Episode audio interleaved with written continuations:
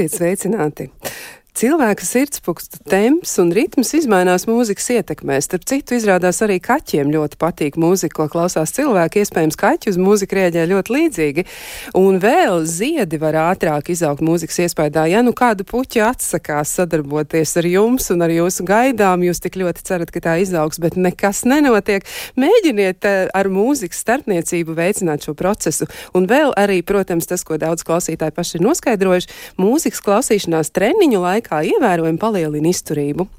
Tiešām labas ziņas par mūziku, un šo būs vērts atcerēties arī saistībā ar raidījumu tematu, ko šodien mēģināsim izpētīt, jo mēs vairāk runāsim par to, kā palīdzēt darbiniekiem organizācijā justies labi un kā nepieļaut to, ka sākas kādas, nu, tā saucamās mentālās problēmas. Nu, lūk, bet ar jums pašlaik runā Kristiāna Lapiņa, rādījuma producente ir Loreta Bērziņa, bet pie skaņu pulca Ernests Valds Fjodorovs. Un uzreiz arī pieteikšu studijas viesus. Pie mums ir emocionālās inteliģences praktiķi, biznesa treneri un konsultanti Janis Strogunov. Labrīt! Pie mums vēl šodien ir arī Latvijas personāla vadīšanas asociācijas valdes priekšsēdētāja Eva Stelga. Sveicināt! Labrīt! Un vēl arī esam aicinājuši sarunā piedalīties psiholoģi, kognitīvi behaviorālās psihoterapijas speciālisti Agnesi Orup. Sveicināt! Labrīt! Nu, lūk, nu tad es sākšu ar pirmo jautājumu par to, kā vispār mēs varam novērtēt organizāciju. Jo, protams, ka cilvēki var justies labāk vai sliktāk, bet mums ir jābūt kaut kādiem instrumentiem, kas mums ļauj saprast, kā tieši viņi jūtas. Nu, tad eh, pirmais jautājums par sevi aizsāgai. Kā tu to vispār var izdarīt? Jā, labbūtība ir šī brīža tēma top eh, gan ār, ārējo eh, dažādu notikumu sakarā, gan arī to, kas notiek pie mums Latvijā. Eh, kā mēs varam mērīt? Protams, mēs varam teikt, cilvēkiem ir jājūtās labi, uzņēmumam par to ir jādomā, bet kā liecina arī, arī pētījumi gan, gan ārvalstīs, gan arī Latvijā, kā mēs varam izvērtēt, lai cilvēki jūtas labi? Pirmkārt, jo mēs skatāmies, cik daudz darbinieku slimo. Kas ir, cik daudz tās darba nespējas lapas ir gadā, kas ir tas vidējais rādītājs vai katra konkrēta cilvēka rādītājs. Tas ir viens no tādiem objektīviem tiešām kritērijiem, ko mēs varam izvērtēt. Un, protams, visas tās lietas, ko, ko darba devējs veids, lai, lai darbinieki justos uzņēmumā labi Atalinātais darbs, elastīgais darbs. Eh, mēs daudz runājam par emocionāli drošu darba vidi, eh, attieksme, sadarbība eh, vienam pret otru, kā mēs izturamies. Ja? Varam paskatīties, cik daudz darbinieku smaida un, un, un kuri varbūt ir nomākti. Ja? Tātad tur ir ļoti, ļoti liels komplekss. Ja? Mēs varētu droši vien runāt ļoti, ļoti ilgi par šo. Un kas ir svarīgi darba devējiem, manuprāt? Um, visus šos, šos, šīs sarežģītās lietas uh, izrunāt, meklēt risinājumu, runāt, darb, teikt darbiniekiem patiesību. Ja, nemelot un teikt, mums viss ir labi, kaut gan patiesībā mēs redzam, algas netiek izmaksātas laikā, un vēl tur, vēl tur, vēl tur. Ja, runāt uh, droši, droši un atklātu valodu, nu, protams, neminot konfidenciāls jautājumus, neapspriežot, bet uh, nu, teikt tā, skatīties patiesībai acīs un meklēt risinājumu. Ja. Tas tāds mans ievads var būt. Jā, labi. Šis tiešām ir ļoti iederīgs ievads, bet nu, uzreiz jau pirmais klupšanas akmens, ko es iedomājos, kas varētu būt, ja, ir tādas organizācijas, kur ir, nu, tā, teiks, teiksim, maigi izsakoties, tāda hierarhiska struktūra. Ja? Un e, dažos gadījumos arī šī pārmaiņa ierosināšana kaut vai tāpēc, vien, lai izpētītu, kā jūtas darbinieki, nav nemaz tik vienkāršs process. Tad e, kā vispār izskatās šobrīd darba tirgū, darba devēja, darba ņēmēja, ja tā tad, ja mēs domājam rūpēties par darbinieku veselību, kas tiek darīts un kādā veidā, kā, piemēram, var ierosināt šādas aptaujas, ja, jo, nu, piemēram, var arī organizācija iebilst. Mēs, nu, tā kā mēs negribam zināt, kā viņi jūtas. Man liekas, ka viens no tādiem, saka, ierosinātājiem arī tādās hierarhiskās organizācijās var būt darba sniegums. Ja netiek sasniegti mērķi, tas, kas tiek uzstādīts, un, nu, un tad mēs redzam, nu jā, mēs esam izstrādājuši tādu sistēmu, tādu pieeju, šitādu, bet tas nestrādā. Tā kā, nu, es domāju, arī, ta, nu, nevis es domāju, bet es zinu, ka tas, kā cilvēki jūtās, ietekmē to, kā viņi uzvedās un kāds ir viņa darba sniegums. Tas būtu, nu, man liekas, kas arī tādam nu, ļoti autoritatīvam priekšniekam varētu teikt, ka, nu, jā, ir vērts pak, paskatīties, kā man cilvēki jūtās. Mm -hmm. Tātad tomēr nu, mēs varam cerēt, ka vismaz lielākā daļa organizāciju uzvedīsies saprātīgi un mēģinās izpētīt, kā darbinieki jūtas. Labi, nu, ja mēs ejam tālāk uz priekšu, tad kas varētu vēl liecināt par e, problēmām? Jūs minējāt nu, to, ka darbinieki neizskatās laimīgi, acīm redzami. Ja? Tad darba sniegums ir e, nu, arī krities, slimības lapas tiek ņemts aizvien biežāk un biežāk. Kas vēl varētu liecināt par to, ka tas klimats organizācijā nav labs un ka tur tālāk, ja tas ies uz priekšu, ka būs slikti pavisam? Esam. Nu, vēl viens aspekts, eh, kam es noteikti pievērstu uzmanību, ir darbinieku mainība. Jo biežāk cilvēki mainās organizācijā, jo skaidrs, ka kaut kas tur nav lāga. Nu, un vēl jau nu, tās, tās pašas minētās aptaujas, nu, tas ir, man liekas, nu, reti, kura organizācija netais darbinieku iesaists mērījums, ja? darbinieku apmierinātības mērījums, emocionālā klimata novērtējums vienalga, nu, tos tā, dažādas mērījumus, kas, kas parāda, kā cilvēki jūtās. Bet kā jūs panāksiet to, ka viņi godīgi atbild uz šiem jautājumiem? Jā, nu redziet, eh, es varbūt, jā, jā. Jā, kā, eh, ja mēs rīkojam, veicam apmierinātības mērījumu, un pēc tam nekas nenotiek, tad nākamajā gadā, aiznākamajā gadā jūs nesaņemsiet vairs vispār neko no darbiniekiem. Ir svarīgi, ja mēs jautājam, kad mēs sniedzam atbildes, eh, kad mēs izdarīsim to, to, to. Ja nevaram, tad arī godīgi pasakam, šogad mēs to nevaram tāpēc, ka Eh, ir kaut kādi iemesli, ja? bet ir jābūt reakcijai, ir jābūt atgriezeniskai saitei uz to, ka, ja cilvēkiem mēs jautājam, mēs cienām viņu viedokli un mēs kaut ko mainām ja? un, un esam kopā dialogā.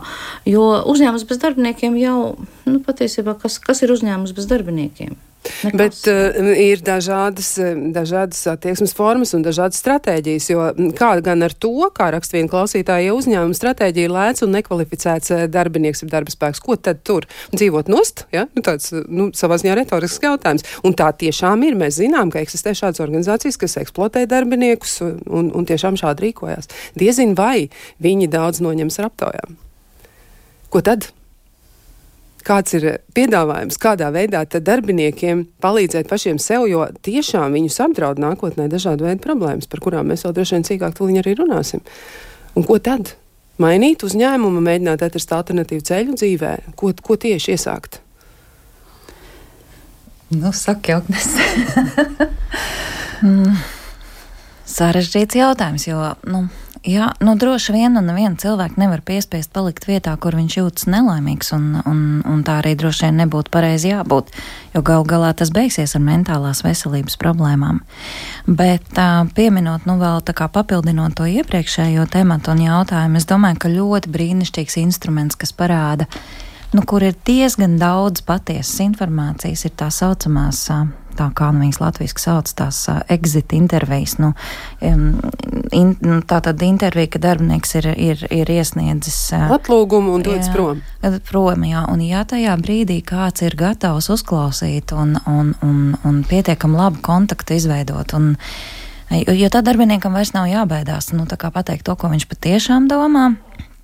Tā ir viena tāda lieta, kur man liekas, var ļoti daudz, bet man jāsaka, ir, protams, ka tas ir ļoti laikietilpīgs process. Tā ir vismaz stunda, kamēr to ar to cilvēku izrunājies, un ja to informāciju neņem nopietni, tad nav vērts uz to laiku tērēt, bet tur ļoti daudz ko var uzzināt. Un vēl viena interesanta, nu, tāda, no tādas psiholoģijas viedokļa uh, vieta, kur var ļoti labi redzēt, uh, cik nu, tāda, nu, tāds, tāds veselīguma organizācijas rādītājs ir tas, kā cilvēki uzvedās sapulču un pēc sapulču laikā. Um, teksim, ja sapulcē ir klusums, un tad, kad sapulce beidzas, vadītājs iziet, un tad visi sāk vārīties, nav ļoti laba pazīme. Cilvēkiem būtu jārunā sapulces laikā, jāsaka to, ko viņi domā, kā viņi jūtas, un pēc tam, kad sapulce ir beigusies, jāiet pildīt tie uzdevumi, par ko sapulcē esam vienojušies. Ja pēc tam sāks ceptiņš, un virtuves ir ļoti laba vieta, kur kaut ko novērot, tad, um, nu, tad droši vien ir vērts paskatīties uz to klimatu. Jā, nu tad rekā mēs esam nonākuši arī pie tā, ka tomēr būtu jāmēģina nosaukt vārdā arī tās mentālās problēmas, par kurām mēs ierosinājām šodien arī vairāk runāt. Kas tad tās būs, nu, kas sagaida organizāciju, kurā nav um, nu, laba atmosfēra, nav labs klimats un kur cilvēki jūtas slikti? Tad kas ir tas, ko tur var konstatēt, kas notiek?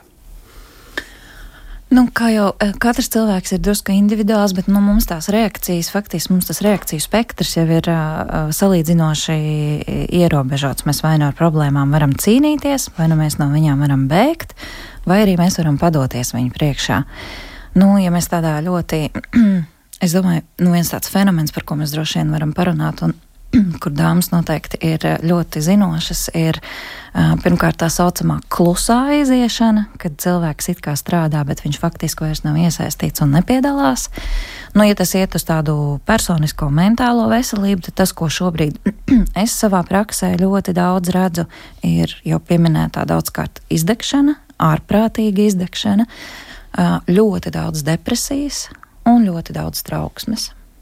Nu, tāda triāde, ja to mēs arī nojaušam, ka tā varētu būt. Nu, te vēl viens jautājums arī ir par to, kā, piemēram, atšķirt vienu stāvokli no otra, jo, ja par trauksmi, nu, lielākoties cilvēki nojauš, kā tas varētu izpausties, viņi piedzīvo varbūt tur panikas lēkmes, ja, un arī ir kaut kā tāda atpazīstamāka simptoma, tad, ja mēs domājam par m, izdegšanu un depresiju, nu, reizēm ir tā, ka tas ietver viens otru, citreiz ir tā, ka to ir samērā grūti atšķirt, tad kā norientēties tajā, kas notiek ar cilvēku?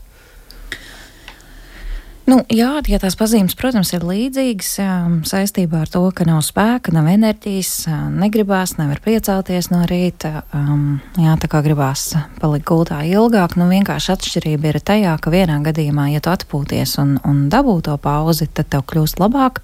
Otrajā gadījumā, nu tas tā ļoti vienkāršojot, protams, otrā gadījumā paliek tikai vēl bēdīgāk. Nu, vislabākais, nu, Vislabākais, protams, vienmēr ir mentālās veselības speciālists, kurš varētu palīdzēt norientēties, jo nu, tur ir pietiekami daudz dažādu apakšpunktu, kurus ir vērts izrunāt un izpētīt. Bet jā, nu, katram tomēr drusku individuāli. Un, šie, un, un ir pilnīgi taisnība, ka šīs abas parādības ļoti bieži nāk roku rokā. Viena iesāk, un tad. tad tad otra turpina. Un, un arī, starp citu, trauksme un depresija ļoti mīl draudzēties savā starpā. Jā, tas tiesa. E, nu, vēl arī um, nu, tāds konkrēts jautājums ir nedaudz atkal pieķeroties e, citam aspektam, bet mēs atgriezīsimies arī pie šīm te mm, mentālajām lietām.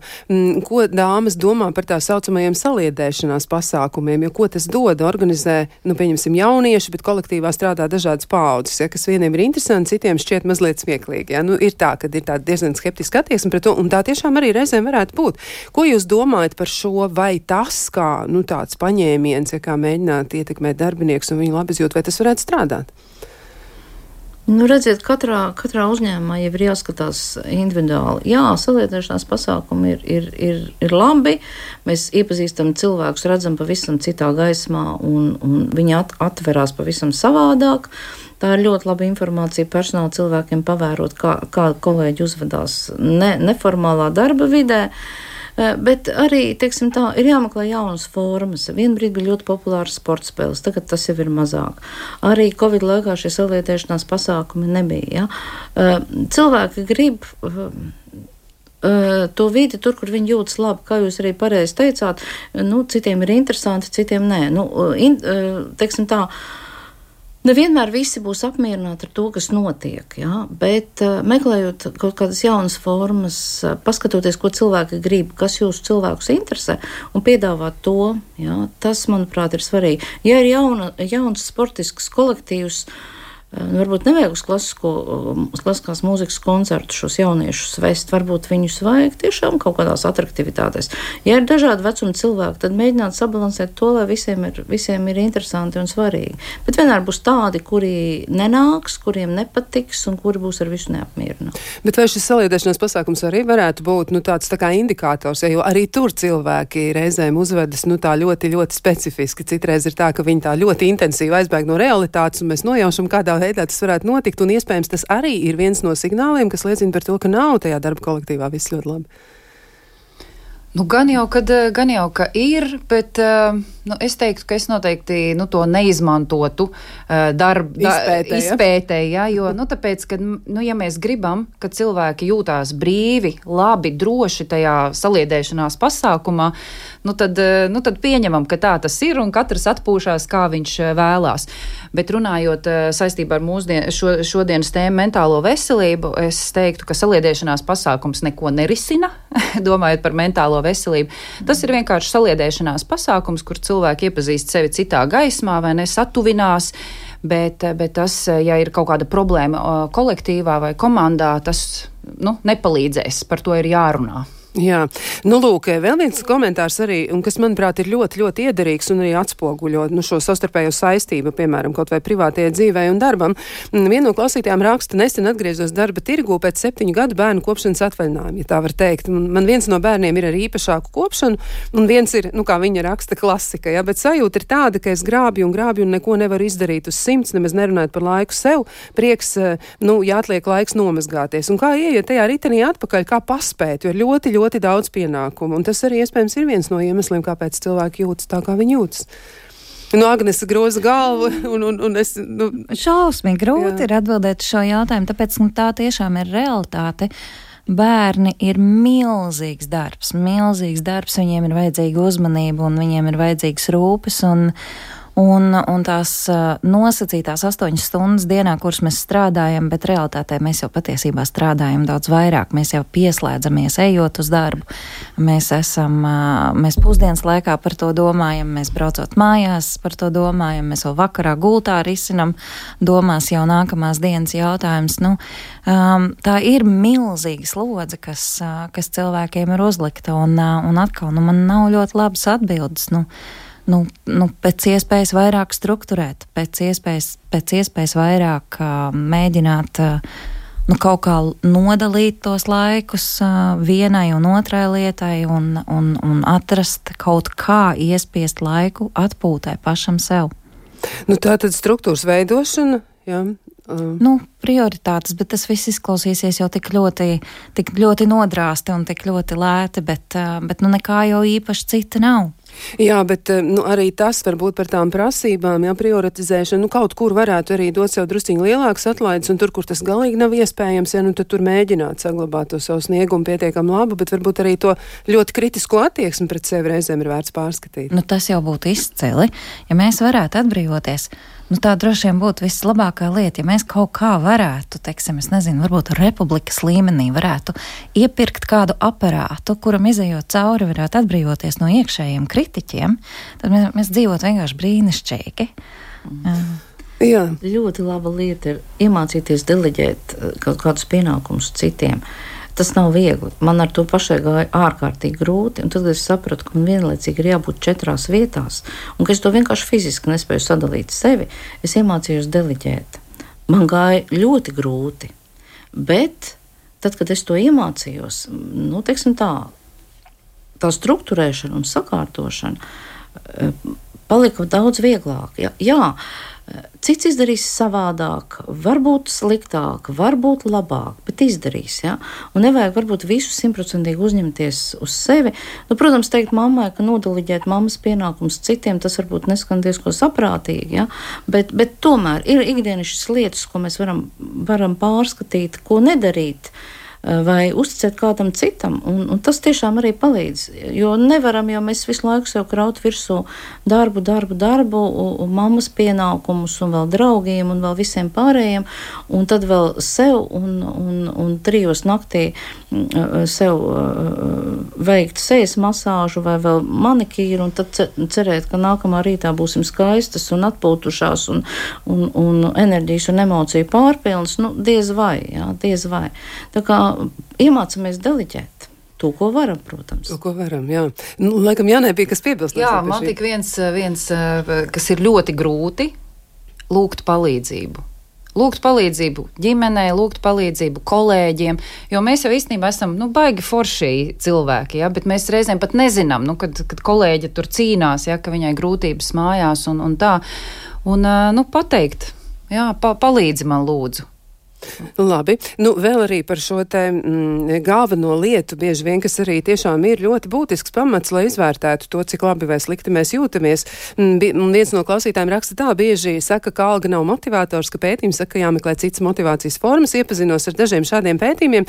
Nes kāpēc Latvijā izlaiž to pētījumu daļu, ka alga nav motivators, jo ar to tiek nodrošināts viss cilvēku dzīvē nepieciešamās vajadzības. Tātad vispirms vajag algas, kas nodrošina labu dzīvi, tad arī būs mazāk depresijas, jo varēs samaksāt visus rēķins. Nu, vispār, jā, jāsaka tā, ka pētījumi ir kļuvuši godīgāki, ja, un tas darba devēja pieprasījums nesakiet darbiniekiem, ka alga ir būtiska, nu, ir samazinājies. Mēs esam atzinuši, ka alga ir viens no galvenajiem motivētājiem, ja bez tā visa cita, kas vēl tur ir. Ko jūs domājat vispār par šo te? Nu, novērtēšanas sistēmu, kas atspoguļojas arī, nu, arī algā. Ja, kā ar to, jo tas tiešām varētu būt viens no būtiskiem iemesliem, kāpēc cilvēks jūtas slikti tur, kur viņš ir. Nu jā, nu, es tad iesākšu, un jūs turpināt. Es, te, nu, es teiktu, ka alga ir higiēnas faktors. Protams, mums ir jāmaksā, nu, darba devējiem ir jāmaksā godīgs atalgojums. Nu, tas, lai nodrošinātu visu dzīvē nepieciešamo. Kāpēc es saku, ka alga nav motivators? Tāpēc, kad nu, pacels man algu tur, pa cik tur tiem eiro, pēc mēneša diviem es jau būšu to aizmirsusi. Es jau būšu, nu, man jau viss ies tādā plūsmā, kad nu, tie izdevumi, ja, ka man liksies, nu, man atkal jau varbūt varētu būt vēl vairāk. Tā kā tā alga kā motivators strādā īstermiņā. Jā, bet tomēr rēķini pieaug un uh, alga nevar palikt uz vietas. Protams. Uh, droši vien, ka ir vērts varbūt mazliet iedziļināties uh, Jānis pieminētajā jēdzienā, kas ir higienas faktors. Un, uh, un uh, tā ir Herzberga teorija, kura ir nu jau, nu jau ar vārdu, bet brīnišķīgi strādā. Un, uh, un, um, tā sadala tā kā divus, divus, izdala divus faktorus, tos higiēnas un motivējošos faktorus. Un, un, un tā teorija apgalvo to, ka tie vieni faktori, tie higiēnas faktori, viņu klātesamība nemotivē. Un tā kā cilvēks nejūtas laimīgāks no tā, ka viņam ir alga.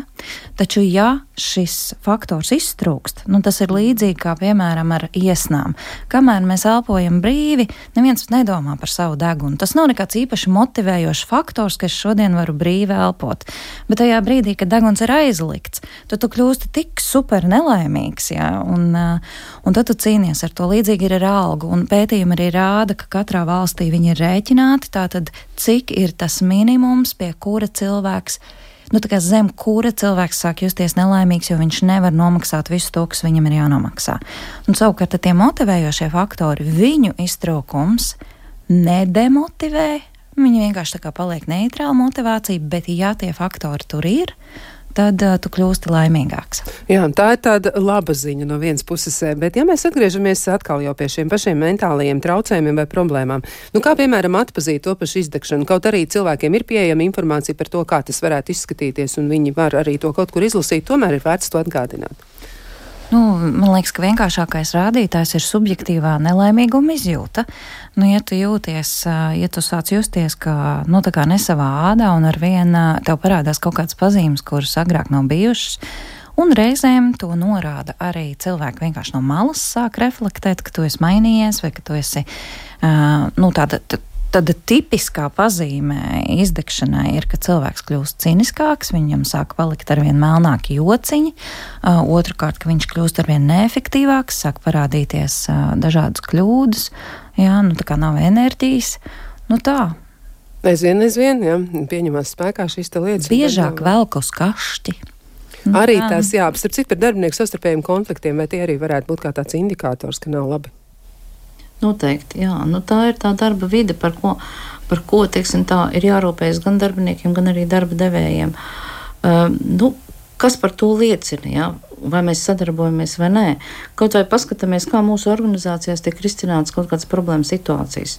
Vai mēs meklējam risinājumu, vai mēs meklējam vainīgo. Un tas ir ļoti svarīgi un būtiski. Ja? Vai mēs ātri vienam uzgrūtīsim, tu esi vainīgs un tu par visu atbildi, un mēs esam skaisti un, un balti un pulkaini, vai mēs kopā nākam un skatāmies, kā, kā šī situācija ir izveidojusies.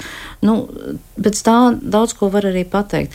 Es arī esmu diezgan daudz pētījumus skatījusies, un arī man patīk. Uh, Adīze, kas ir, kas ir amerikāņu uh, zinātnieks, viņš ir uz Latviju vairāk kārt ir bijis, un viņam bija pagājušajā vasarā viena tāda ļoti interesanta lekcija par, par veselīgu organizāciju. Un patiesībā viss ir ļoti vienkārši - cieņa un uzticēšanās. Ja, Adīze izver šos divus kritērijus, ka uh, Ja mums ir savstarpējā cieņa visos līmeņos, vadītājs, darbinieks, uzņēmuma vadītājs, darbinieks, darbinieks, vadītājs, un ja mēs viens otram uzticamies, ja, tad mēs varam runāt par tādām veselīgas organizācijas pazīmēm un, un, un saprotam, ka viss, viss it kā varētu būt labi, bet ja šis iztrūkst, ja, nu, tad, tad, tad rodas dažādas, ja, nu, ja vadītājs kaut ko saka un neizpilda pirmā līmeņa vadītājs sola, bet šie solījumi netiek pildīti, vai nu, teiksim, tādas, tādas sīkas lietas darbinieki to ļoti, ļoti atcerās. Ja? Pietiek vienreiz samelot, un jums vairs neviens neticēs. Ja?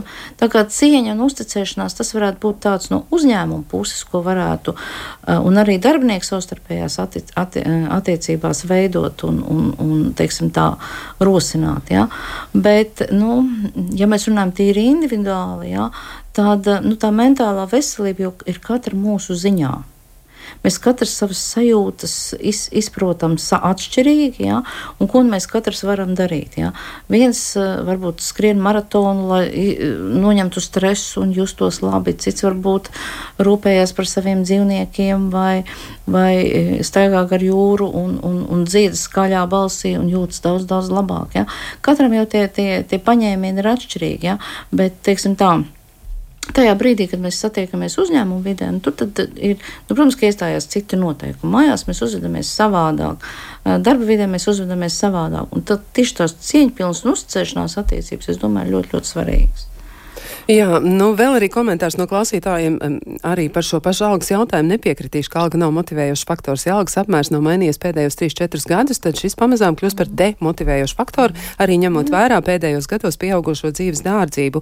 Un tas rada sajūtu, ka nēsi uzņēmumam svarīgs, lai gan no sirds ieguldi savu laiku un enerģiju. Un šis ir viens no būtiskiem faktoriem, ko visticamāk arī vajadzēs komentēt tieši par to, ka tas varētu novest arī pie nu, šīm mentālajām problēmām. Bet to, kā tas notiek un kāds ir šis nelaimīgais ceļš, ceļš un kā no tā izvairīties. Par to mēs spriedīsim pēc kāda brīža, jo nu ir laiks mūzikai un atcerieties par tām puķēm. Varbūt ņemiet tās sev blakus un šajā laikā ļaujiet tām izaugt mazliet lielākām. Kā labāk dzīvot? Turpinām tematu par to, kā nodrošināt darbinieku labbūtību un kā izvairīties no mentālām problēmām vai dažādām grūtībām, kas varētu būt saistīts ar darba vidi, ar darba attiecībām un ar to, kā mēs paši jūtamies savā darba vidē. Un vēl uzreiz arī gribu atgādināt, mums ir iespēja sazināties ar klausītājiem, proti saņemt jūsu ziņas, izmantojot arī WhatsApp numuru. Un numurs ir šāds - 2566 0440. Un tad vēlreiz 2566, 0440. Rakstiet droši, mēs ziņas saņemsim un arī mēģināsim uzreiz arī atbildēt, ja būs kāds jautājums. Nu, lūk, Bet runājot par to, kas vēl varētu ietekmēt eh, cilvēku izjūtu, nu, viena no klausītājām raksta tā par mentālo veselību jārūpējas tāpat kā par fizisko. Par šo jautājumu bieži tiek plaši diskutēts, tiek organizētas lekcijas, tomēr nereti, piet, nereti pietrūkst praktisko nodarbību, kas palīdzētu ieviest rūpes par labklājību kā ikdienas ieradumu. Un ko viešņas var ieteikt? Kādas praktiskas nodarbības jūs ieteikt? Nu, mazlietiņi, Evi jau pieminēja to, ka varētu būt nu, katram cilvēkam individuāls repertuārs, tur pastaigas gar jūru, vēl kaut kas, bet kas tieši praktiski palīdzētu? Es esmu darba vietā, man ir tas mans darbs, es tur jūtos, nu, varbūt ne pārāk labi. Ko tad var darīt? Nu, man ir, es, es parasti arī strādājot ar saviem studentiem, saku, ka es vados no savas personīgās pieredzes. Ja? Un, un man, man liekas, ka ir svarīgi nodarbināt fiziski ķermeni un atrast to, kas mums patīk. Nevis man nepatīk skriet, un es skrienu un mokos, un man ir slikti, bet atrast to fizisko aktivitāti, kas mums patīk. Braukt ar velospēdu, iet uz trenižera zāli, spēlēt tenisu, staigāt, ja, lai, lai, lai uzturētu šo fizisko ķermeni.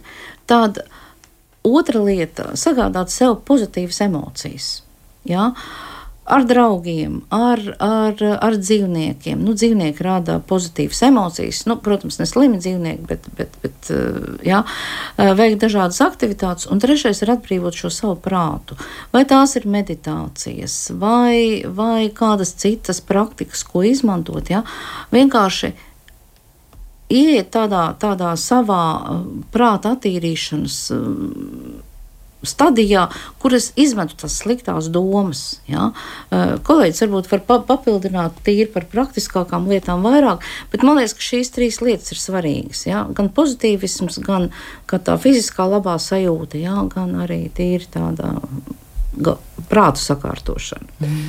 Jā, nu vēl arī, protams, ir vērts aktualizēt to, kā nonākt tādā stāvoklī, mentālā stāvoklī, ka cilvēks tomēr spētu runāt par savām vajadzībām. Un te ir nu, daži komentāri, ko klausītāji arī ir atsūtījuši. Nu, piemēram, mm, arī neergonomiska darba vide, nepietiekams materiālais nodrošinājums un liela slodze var kļūt par iemeslu veselības problēmām. Un vai tikai darbiniekam pašam par to ir jārūpējas, ko tad es drīkstu prasīt no priekšnieka? Un, nu, arī bet, jā, ar lielo bet, bet prasīt jau var daudz ko. Tad, lūk, kā jūs iedrošināsiet cilvēkus runāt par to, kā viņi jūtas pirmkārt un kā tad e, noformulēt savas prasības, savas vajadzības?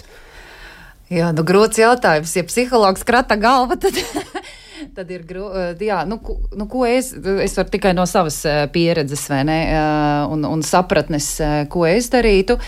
Nu, man liekas, ka, nu, ja es jūtu, ka tas man traucē darbam, nu, tā ir tad, tad mana motivācija kaut ko celties un darīt. Un, um, Nu, jā, nu, jautājums, kāda ir bijusi iepriekšējā pieredze, ir šāds jautājums. Tad visticamāk, ka nav pozitīvi, bet, nu, nu, nu, kā saka, vienmēr var prasīt. Ja, tev, ja tu prasīsi pa galu, jau tev neviens nesitīs. Ja? Nu, varbūt tev varbūt izsmies vai, vai, vai pateiks nē, nu, tad, tad, tad nē. Tad Bet tā... kā reaģēt uz izsmiešanu? Jūs minējāt mm -hmm. ļoti svarīgu lietu. Jā. Izsmiešana, piemēram, šī skeptiskā, ciniskā attieksme, mm -hmm. jo mhm. viena no klausītājiem arī raksta, viņa grib runāt par algas pielikumu, un viņa tiek apvainot kašķīgumā. Ja viņai saka, ka tu lūk, esi kašķīgi, ja tu prasi, bet viņa skaidri saprot un zina, ka, piemēram, tiem darbiniekiem, kas ir pievienojušies pēdējā laikā, algas ir lielākas. Mm -hmm. Tad kā reaģēt un, un kā tad turpināt uzstāt uz savām vajadzībām pie šādas attieksmes? Mm -hmm.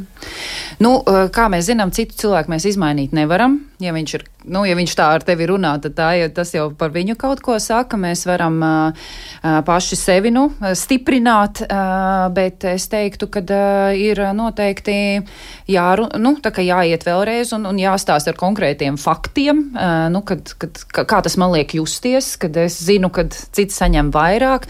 Nu, es nezinu, Agnes, palīdzi.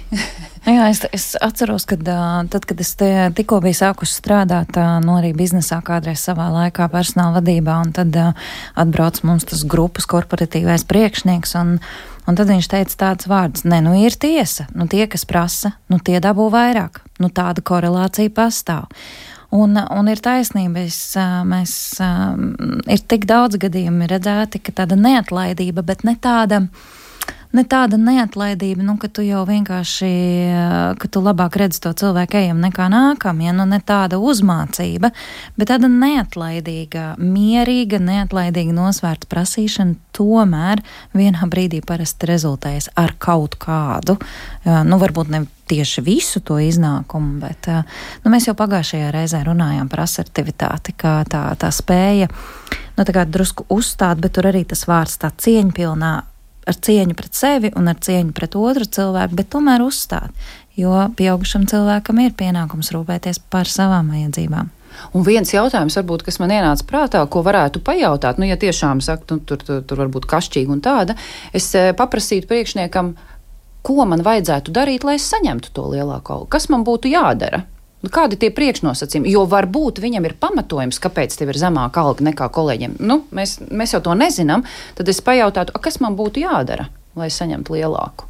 Jā, nu, vēl arī tāds ieteikums emocionālās lab, labsajūtas, labizjūtas darbā vērtējums, ja patīk darbs un darba saturs, labas attiecības ar kolēģiem, piemēram, labs mikroklimats tā tiešām ir, un e, vai darbs sniedz prieku un gandarījumu, ja, un arī, nu, mums tāds uzmudrinājums un aicinājums aicināt klausītājs, lai uzraksta, cik no viņiem viss augstāk minētais ir, vienkārši ir vai nav, ja tā tad vai patīk darbs un darba saturs attiecības ar kolēģiem, un vai darbs sniedz prieku un gandarījumu. Jā, patiesi klausītājiem noteikti ir iespēja mums sūtīt kādu ziņu par to, kā tad viņi ar šo te visu jūtas un vai tiešām viņi to piedzīvo savā darba vietā. Mēs aicinām arī no savas puses to noteikti darīt. Bet, eh, nu, vēl arī par, piemēram, diskriminācijas aspekts, kas arī var novest līdz ļoti, ļoti dziļām problēmām. Nu, tostarp arī, piemēram, būtu viens no tādiem iespējams, nu, depresijas, eh, mm, depresijas eh, cēloņiem bez, bez, bez daudziem citiem. Tad, mm, nu, Piemēram, šeit arī viens no piemēriem, ko min klausītājs darba devējs, piemēram, jau pat sākotnējā darba intervijā, piemēram, vai viņš drīkst uzdot jautājumu dzimšanas gads, datums, ja, jo cilvēkam ir starp 40 un 50, un darba tirgū tur jau, nu, var tikt uzskatīts par neejošu, jeb nerentablu vecumu, ja, un klausītājs arī saka, tikai nestāstiet par to, ka strādāsim ilgāk, ja, un viņš arī saka, ka sētnieka darbs, piemēram, ko viņš nākotnē varētu tā kā iedomāties kā variantu, ja, da, kādam cilvēkam, ka tas ir cienījams darbs, ja, bet viņš uzreiz nevēlētos varbūt, nu, darīt šī šīs lietas. Un tad jautājums ir par to, jā, kā vispār ar nu, tādiem nu, diskriminējošiem momentiem, kas arī varētu būt nu, viens no nu, iespējamiem cēloņiem, kāpēc cilvēks sāk arī izturēties pats pret sevi nelāgi, vai viņš nejūtas labi darbā, vai viņam ir tāda izjūta, ka viņam dara pāri, vai viņu neievēro, neciena. Jā, diemžēl diskriminācija mūsu darba vidē ir, un tā ir vecuma diskriminācija visizteiktākā. Eh, un diskriminēti šobrīd, manuprāt, mēs arī esam diezgan daudz personalitīšanas asociācijā par to runājuši. Divas, eh, divas šīs vecuma grupas, tie pirmie ir jaunieši tūliņ pēc, pēc vidusskolas, kuri vēl nav apguvuši nekādu profesiju, bet grib strādāt. Darbdevējs negrib ieguldīties jauniešos, kuri vēl nav izlēmuši, ko viņi dzīvē darīs un, un, un kur var jebkurā brīdī aiziet. Jaunieši ir ļoti mobīli. Un, un tā ir tā viena, viena vecuma grupa, ko mēs diskriminējam, un otra ir šie cilvēki, nu, mēs varam teikt, 50 plus. Uh, jā, mēs uzskatām, ka uh, viņi ir jau tuvu pensijai, kaut gan tā tas nav. Uh, mēs uzskatām, ka viņi nespēs iemācīties kaut ko jaunu, kaut gan tā tas nav. Un, un tiešām es domāju, ka darba devējiem ir jāsaprot, ka mums tie cilvēki Latvijā ir tik, cik viņi ir. Mums ir jāspēj nodarbināt to, tos cilvēkus, kas pie mums ir, un, un, un, un tos cilvēkus, kuri vēlas un var strādāt. Ja? E, Tādai diskriminācijai absolūti nav pamata. Es tiešām arī aicinātu darba devējus ja, paskatīties uz, uz cilvēkiem 50, plus, kas ir ļoti teiksim, atbildīgi, e, vēl darba tirgu ļoti, ļoti aktīvi un gatavi ieguldīt savas zināšanas un pieredzi.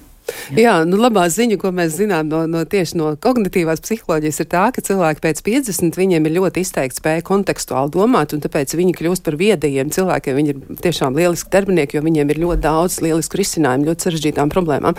Bet, eh, nu, paturpiniet teikumu, mums aicina viena klausītāja, eh, labs priekšnieks ir. Tad kāds ir labs priekšnieks?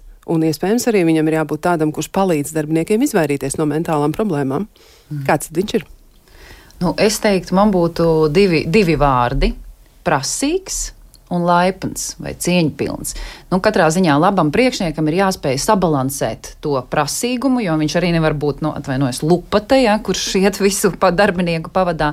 Un otrs puses viņam jābūt ir cieņpilnam pret saviem cilvēkiem, atbalstošam, nu, zem tā, zem tā laipnības iet, tad atbalstoša cieņa, jā, jā, būt, būt kā, nu, jā līderim tā, tādā ziņā. Nu, tā, tā kā man būtu divi vārdi - prasīgs un, un laipns. Prasīgs un laipns kādi vēl vārdi nāk prātā par priekšnieku runājot? Man droši vien tas vārds, kas, kas man ir ļoti svarīgs, nu, labi, man tādi trīs aspekti, kas ir svarīgi. Man pirmais, ko man gribās teikt, ir emocionāli nobriedis, un ar to es saprotu tādu cilvēku, kurš uh, pirmkārt ir pietiekami spējīgs reflektēt pats par sevi, par to, kāds viņš ir, kas ir viņa stiprās puses, jo tādas ir pilnīgi visiem cilvēkiem, un ir vienlaikus spējīgs arī apzināties no kaut kādus savus tādus um, Um, tie nav obligāti vājie punkti, bet nu, tādi nu, mēs katrs, nu, piemēram, kaut vai to, kāda mēs kļūstam stresa apstākļos, jo mēs visi regresējam stresā, kāds kļūst agresīvs, kāds kļūst uh, uh, nepiekāpīgs, iecirtīgs, vēl vis kaut kādi varianti ir. Nu, kā, kurš spēj pats sevi novērot un, un arī, dzen, nu, kā, kuram ir pietiekami daudz tās kapacitātes, nu, tas droši vien ir kaut kas līdzīgs, ko Jāna saka. Nu, kā, atstāt vietu gan sev, gan arī otra cilvēka patiesībai. Tā ir droši vien tāda viena lieta, kas man būtu ļoti svarīga. Tā definīcija laika gaitā priekš manis, kas ir labs priekšnieks, ir mainījusies. Um, man, man noteikti ir, ir ļoti svarīgi, lai priekšnieks būtu strateģisks, nu, kā, pietiekami spējīgs redzēt uh, nu, uz priekšu un, un arī drusku tā kā, nu, tādā lielāku bildi. Uh, lielāku spēles laukumu jā, salikt kopā. Un nu, tā pēdējā lieta, ko varētu uzsvērt un ko uzsver arī. Nu, jau pieminētais dīzes ir, ir spēja no tā kā cilvēku, tās, nu, tās cilvēku kontaktēšanas prasmes. Jo augstāks priekšnieks, jo labāk viņam ir jāspēj sadarboties ar cilvēkiem. Jā, tas saskan ar to, ko arī klausītājs saka, ka labs priekšnieks ir līderis, vadītājs, nevis boss. Jā, un, un eh, vēl arī tāda piebilde, bet svarīgākais, lai priekšnieks nav muļķis. Jā, nu īsti skaidri latviski, un bez jebkādiem komentāriem. Arī, nu, mazliet pakomentēšu, kolēģis ir ļoti daudz pateicis. Man liekas, ka svarīgi labam priekšniekam būt profesionālim. Jo, ja darbinieks sajūt, ka priekšnieks kaut kādos jautājumos neorientējās, nu, tad, tad tā cieņa pazūd ja, un uzticēšanās pazūd. Uh, Atbalstoši, ko Jānis jau pieminēja, ja, kad viņš spēja iejusties dažādās situācijās. Un, man liekas, kas vēl ir ļoti svarīgi vadītājiem, spēt uzņemties risku un pieņemt lēmumus. Un šis ir tāds ļoti svarīgs punkts, kas daudziem vadītājiem nepiemīt. Jā, nu vēl arī tāds komentārs, kas arī, manuprāt, ir ļoti precīzs. No darba vietas neaiziet, aiziet no priekšnieka un zemes algas. Jā, nu ļoti daudzos gadījumos tā arī ir. Un starp citu, šis ir saskan arī ar vēl vienu komentāru, kas mums ir atsūtīts nu, par tiem klusajiem aizgājējiem, ja, kas aiziet prom no darba, kur nu, mēs tajās pēdējās intervijās varam secināt, kādi faktori ir veicinājuši to, ka cilvēks ir pieņēmis šādu lēmumu. Varbūt mums ir atsevišķi tam jāvēlt kāds, kāds saruna, jo izskatās, ka tur ir ļoti, ļoti daudz ko vēl pētīt. Mm, vēl arī tāds labs uzmundrinājums, ja no kādas klausītājs gadus noteikti visiem jāsaka, tas ir mans sasniegums dzīvē. Ja neteikšu, var padomāt, ka esmu vecāka nekā īstenībā esmu vai jaunāka un otrādi. Es vienmēr saku un pastāstu, ko esmu sasniegusi par saviem gadiem, un tas labi nostrādā. Nu, tā tad eh, labs, labs uzmundrinājums. Ja? Un, um, Vēl arī par priekšniekiem runājot, labāk, lai priekšnieks eh, neorientējas un nezina lietas, bet zina, kam pajautāt, nevis tēlo, ka viņam ir visas atbildes. Ja? Nu, tad droši vien nāk tā kvalitāte godīgums, ja? tas, kas arī tika pieminēts. Nu, vēl tāds um, arī uh, viens no faktoriem, kas varētu veicināt šīs mentālās uh, problēmas par vainas sajūtu. Un viena no klausītājiem raksta par vainas sajūtu gan nav tiesa, jo reti kāds to izjūt, ka kaut ko nav izdarījis pietiekami labi, dara pašu minimumu, bet uzskata, ka ir labākais darbinieks, mamma, tētis, draugs. Ja? Tā ir viņa patiesība, no kuras viņa nekad neatkāpjas un smagi ja ir tādi cilvēki blakus.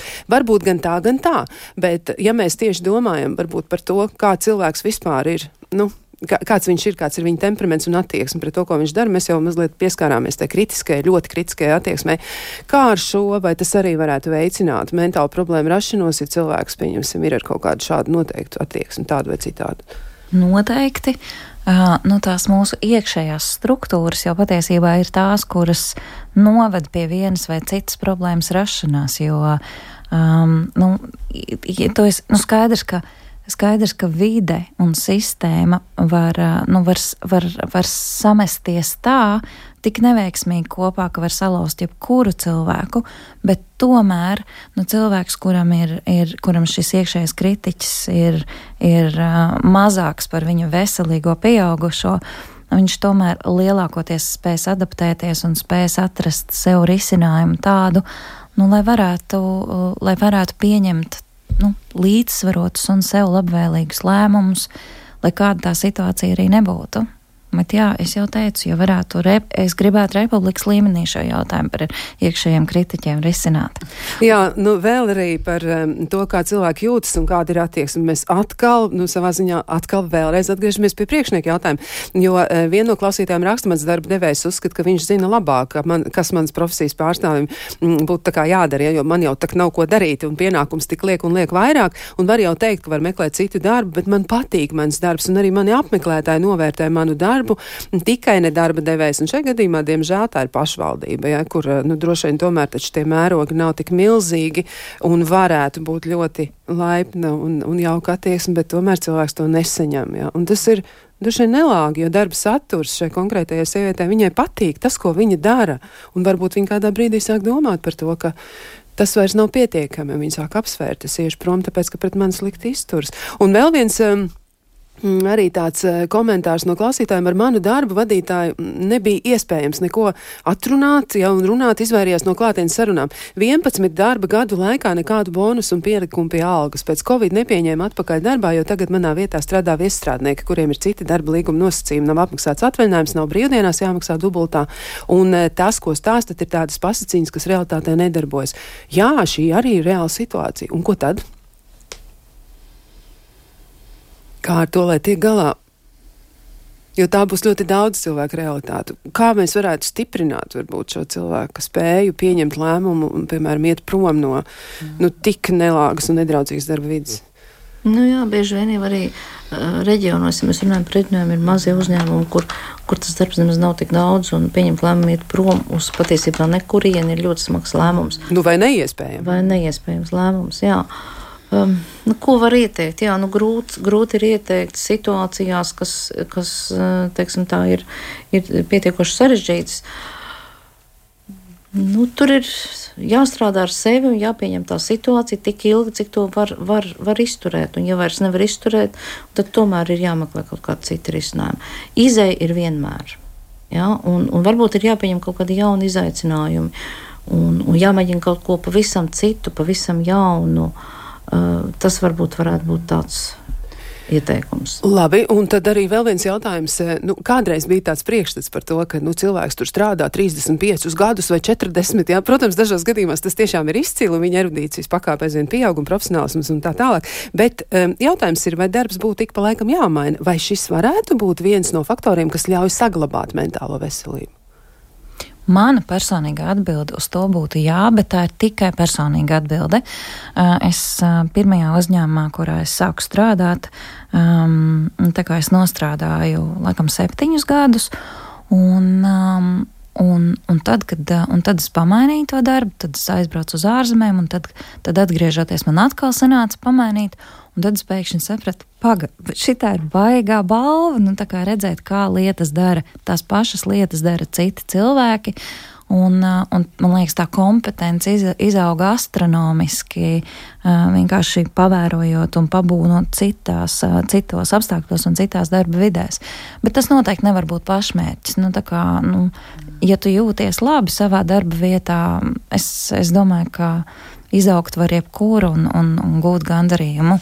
Jebkuru. Jā, nu mums ir ļoti, ļoti maz laika atlicis, bet es nevaru eh, šo komentāru nenolasīt, jo uz to ir vajadzīga atbilde, un ar to tad mums arī droši vien šodien būs jānoslēdz. Un komentārs ir šāds: Labrīt! Pēdējo mēnesi nepiedzīvoju īstas emocijas, agrāk priecīgās lietas tagad vienkārši notiek. Tikai raudāšana ir palikusi. Arī tikai domājot par iešanu uz darbu ir jāraud. Pasakot vadībai, ka eju prom, viņi neņem vērā cilvēcisko aspektu un atbild, ka pēc normatīva jānostrādā vēl mēnesis, kad knapi velku dienas. Vai ģimenes ārsts var izsniegt slimības lapu izdegšanas trauksmes vai depresijas gadījumā? Un vēl arī vienlaikus ir pateicība ar, ar mazu, mazu, mazu sirsniņu, kas šoreiz ir pelēka. Kāda būs atbilde? Atbilde ir tāda, ka man ir ļoti, ļoti, ļoti žēl dzirdēt, ka ir tāds stāvoklis, un uh, es uh, no sirds uh, vēlu meklēt šajā brīdī atbalstu un palīdzību. Un ģimenes ārsts noteikti var būt cilvēks, pie kura vērsties pēc palīdzības, un tad soli pa solim iet to ceļu, lai, lai mēģinātu atrast veidu, kā justies labāk. Mhm. Bet, nu, atbildot uz jautājumu, ģimenes ārsts var izsniegt jā, tādu izziņu. Jā, tas ir noteikti tā, ka to vajag noteikti izmantot šajā gadījumā. Jā, nu tā tad pie ģimenes ārsta un mēģiniet arī tad sākt to savu atvesaļošanās ceļu un lai tiešām izdodas, mēs turēsim mīkšķus, lai viss būtu pēc kāda laika labi. Bet šai mirklī teikšu paldies gan Janai Strogunovai, gan Evai Sēlgai, gan arī Agnesai Orupai. Rīt savukārt ar Elvi jūs varēsiet apspriest, kāpēc un kad un kādos gadījumos zvanīt, izmantot izmantojat numuru 112, jo visā Eiropas Savienībā 11. februārī tika atzīmēta vienotā ārkārtas palīdzības izsaukuma numura 112 diena. Un eh, mēs savukārt ar jums tiksimies kādu citu reizi. Un, ja nu tas ir iespējams, nu kaut vai atkal atgriežoties pie tās pašas mūzikas, varbūt palīdz labāk justies arī darba vietā, kaut vai skaista mūzika, nu kaut kādu klusu džēzu vai ko citu, kas nu kuram patīk. Lai jums skaista diena un tiekamies kādu citu reizi.